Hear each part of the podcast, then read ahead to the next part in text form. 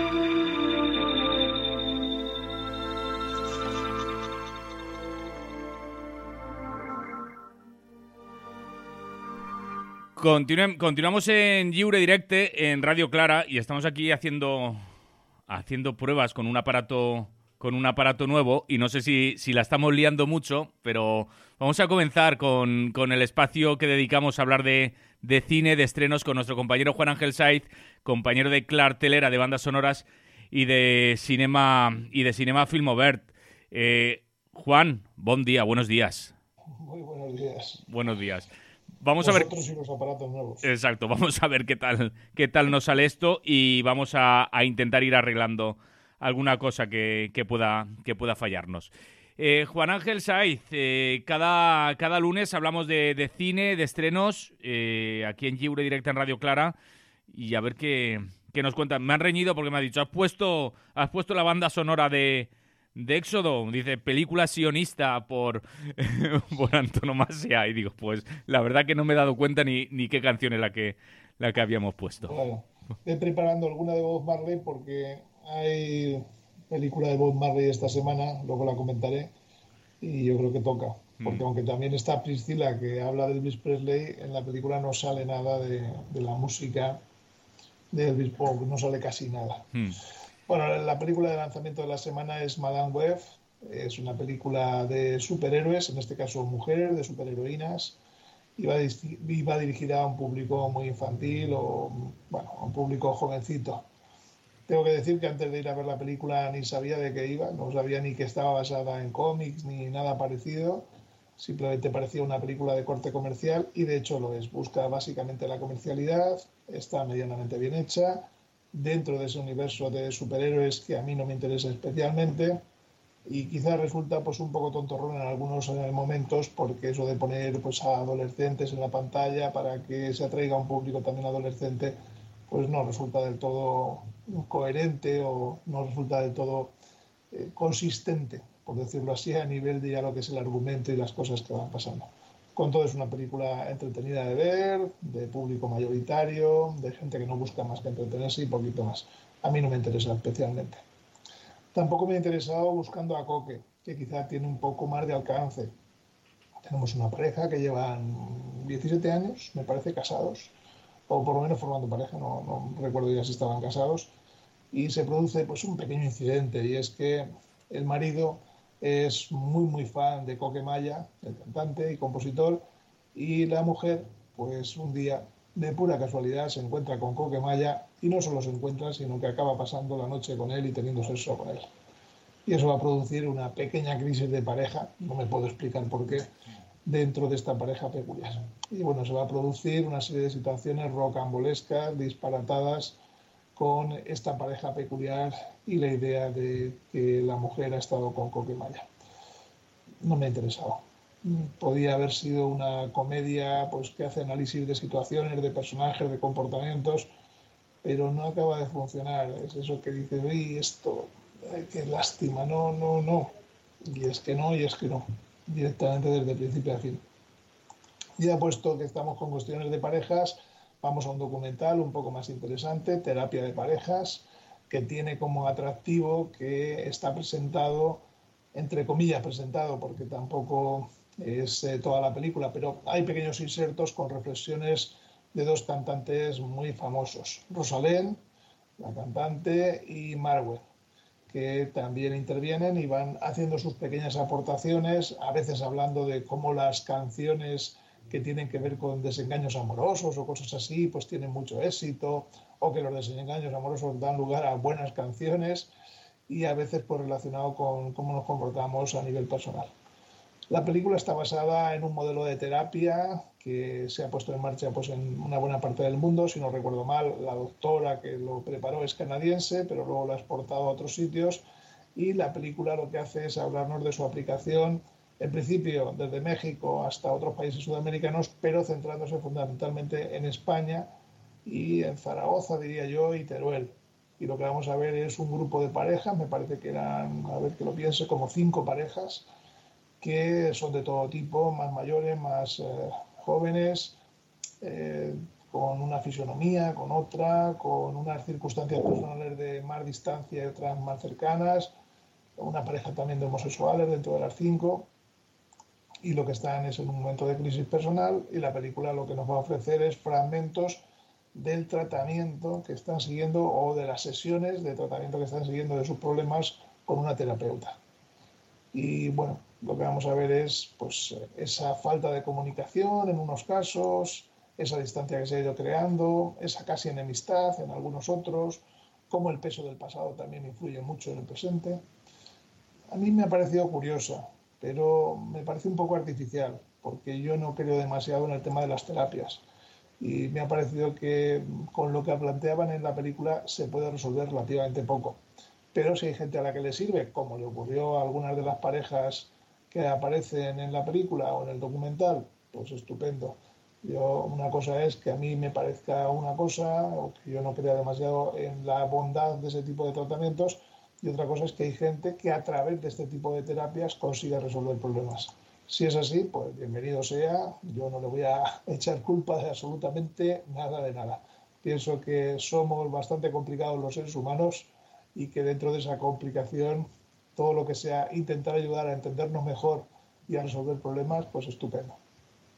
Películas que tienen que ver con la religión. De Chosen, una serie de televisión que ya va creo que por la cuarta temporada, una cosa así, y que bueno, pues ha cogido la costumbre de en ese comienzo de temporada estrenar en cine un par de capítulos. Y en este caso estamos con eso, son estrenos muy seleccionados, en sesiones concretas, y que buscan ese público que conoce las temporadas anteriores para eh, atraerlo al cine y tener una recaudación adicional.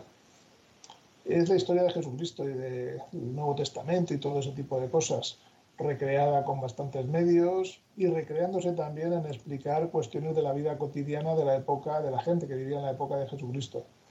A mí la parte religiosa no me interesa, la parte de recreación de esa vida, bueno, pues me interesa un poco más aunque no de la forma que está planteada en la película, porque creo que es demasiado, eh, se extiende demasiado, es demasiado extensa en cuanto a cómo lo plantea en la pantalla. Pero yo creo que el público que tiene este tipo de series o este tipo de películas es básicamente un público religioso, sin ninguna duda. Algo parecido ocurre con Nacimiento, una película de Corea del Sur que habla del siglo XIX y de cómo allí fue llegando el catolicismo y cómo llegaron pues, los primeros párrocos, los primeros curas, y se fueron estableciendo e intentaron convencer a la gente de que la religión buena era la suya, era la religión católica.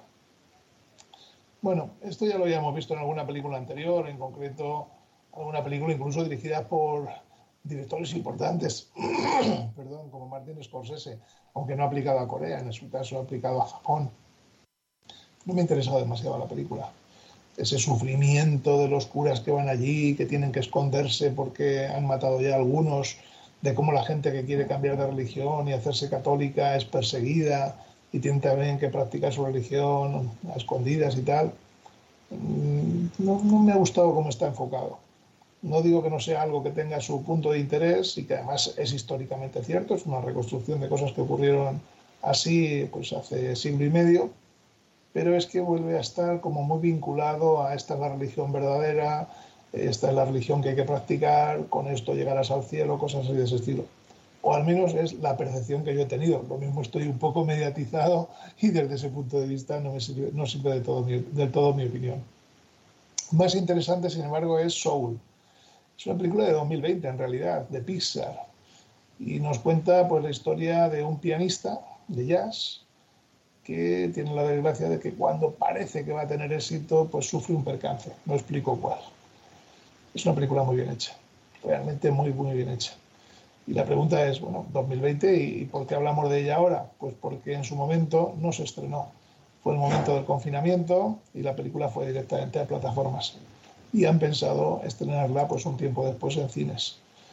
No sé qué tipo de público tendrá, porque ya cuando se puso en las plataformas nos llamó la atención que no es una película especialmente para niños, ni yo diría que para familias, es una película para un público un poco más adulto, porque lo que plantea, independientemente de que hace unas reflexiones sobre lo que es la vida, el paso del tiempo, la muerte y cosas de este estilo, también lo que es el éxito lo que no es el éxito, bueno, pues eh, lo que plantea yo creo que tiene un poco más de seriedad de lo que habitualmente encontramos en las películas de animación. La película está muy bien hecha, la música es excelente, excelente, vamos, la parte de jazz sobre todo, pero en fin, está en general toda bien puesta y es una película para ver, para ver incluso en cine, aunque se haya visto en la televisión, a través de las plataformas, como decía, porque el cine tiene una dimensión un poco diferente. Siguiendo con el tema de la música, Priscila. Priscila es la historia de Priscila Presley, la mujer durante unos años de Elvis Presley y es un biopic convencional, hecho de forma correcta por Sofía Coppola, que también se encarga del guion.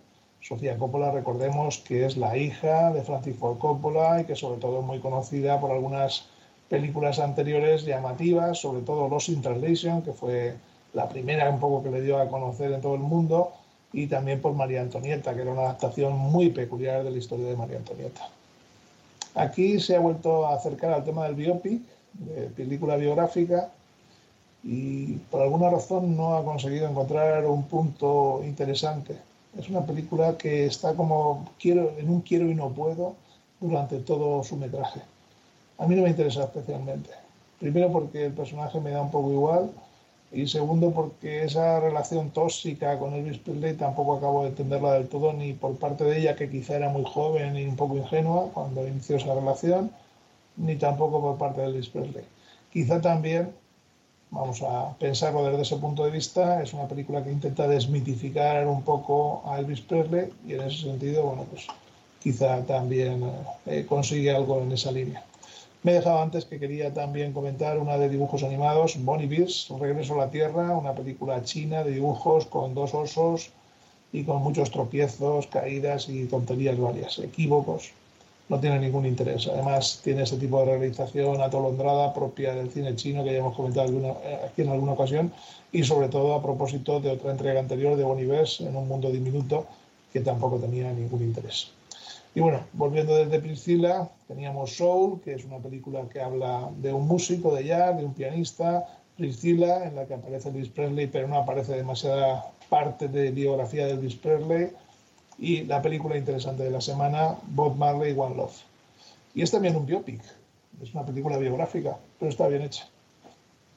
Tenemos a Bob Marley, en la época de mediados de los años 70, diría yo, y lo que nos va a contar es un poco su trayectoria. Está en Jamaica y lo que vamos a ver también es no solo la biografía de Bob Marley, sus líos en la música, con su mujer, con sus amantes, con sus compañeros, sino también lo que pasa en esa Jamaica en la que hay una violencia extrema, en la que los políticos no consiguen calmar a la población y en la que hay una cantidad de, cantidad de problemas acumulados enormes. Es una película curiosa, en la que además se han preocupado mucho de poner las canciones de Bob Marley, subtitular las letras, para insertar ese contenido de las letras de las canciones de Bob Marley con episodios concretos de su vida. Pasaba determinada cosa y eso se reflejaba en una canción, o por lo menos en la película buscan esa relación entre una cosa y otra. Es una película que está bien hecha, es interesante, cuenta muchas cosas que ya conocemos de Bob Marley, alguna que quizá no es tan conocida, el hecho de que acabó muriendo por un cáncer de piel que no se quiso curar, no, no, se quiso tratar él para buscar la curación, estaba convencido de que no le pasaría nada y la película lo, lo cuenta bastante bien. Es una historia curiosa, tiene buena música y al final es una película entretenida y sobre todo que da datos de una Jamaica completamente destrozada, eh, sumida en una violencia enorme en la que Bob Marley intentó en algunos momentos echar una mano para que no hubiese tanta violencia y para que la gente viviese un poco mejor. Un tipo curioso, canciones muy conocidas, otras que quizá no lo son tanto, y una biografía que, como digo, es entretenida de ver en la pantalla. Yo creo que de hecho es, desde ese punto de vista, la mejor película de la semana. Y poco más, esto es lo que ha dado de sí la semana. Pues con eso nos eh, con eso nos, nos, vamos a quedar, Juan, y recordamos o recomendamos a, a la audiencia una vez más eh, tengo muchos botones ahora que apretar, que, que, los jueves a partir de a partir de las 10 de la noche, por aquí estáis en, en Clartelera y le dais también más, más vidilla y más amplitud a, al comentario de, de los estrenos. Eso haremos. Eso, Eso intentaremos. Eso haréis. Después de, de, la presentación, no sé cómo, el otro día os escuché, dice, no sé, no fue el monólogo de Juan, no fue las cosas de Juan o algo así, como lo, no sé cómo no, lo presentó sí, Pablo. Pablo, sí, sí. Pero ahí, ahí estuvo. Muy bien, Juan, pues lo dejamos por aquí, como decimos, y, y la semana que viene volvemos a charlar aquí en Euro Directa en Radio Clara. Perfecto. Venga. Ahí que estaremos. Venga, un abrazo. Hasta luego. Salud. Salud. Y nos vamos, eh, como decía, tenemos por aquí preparada una canción de, de Bob Marley como, como, nos pedía, como nos pedía Juan. Así que nos vamos a ver, a ver lo que encontramos.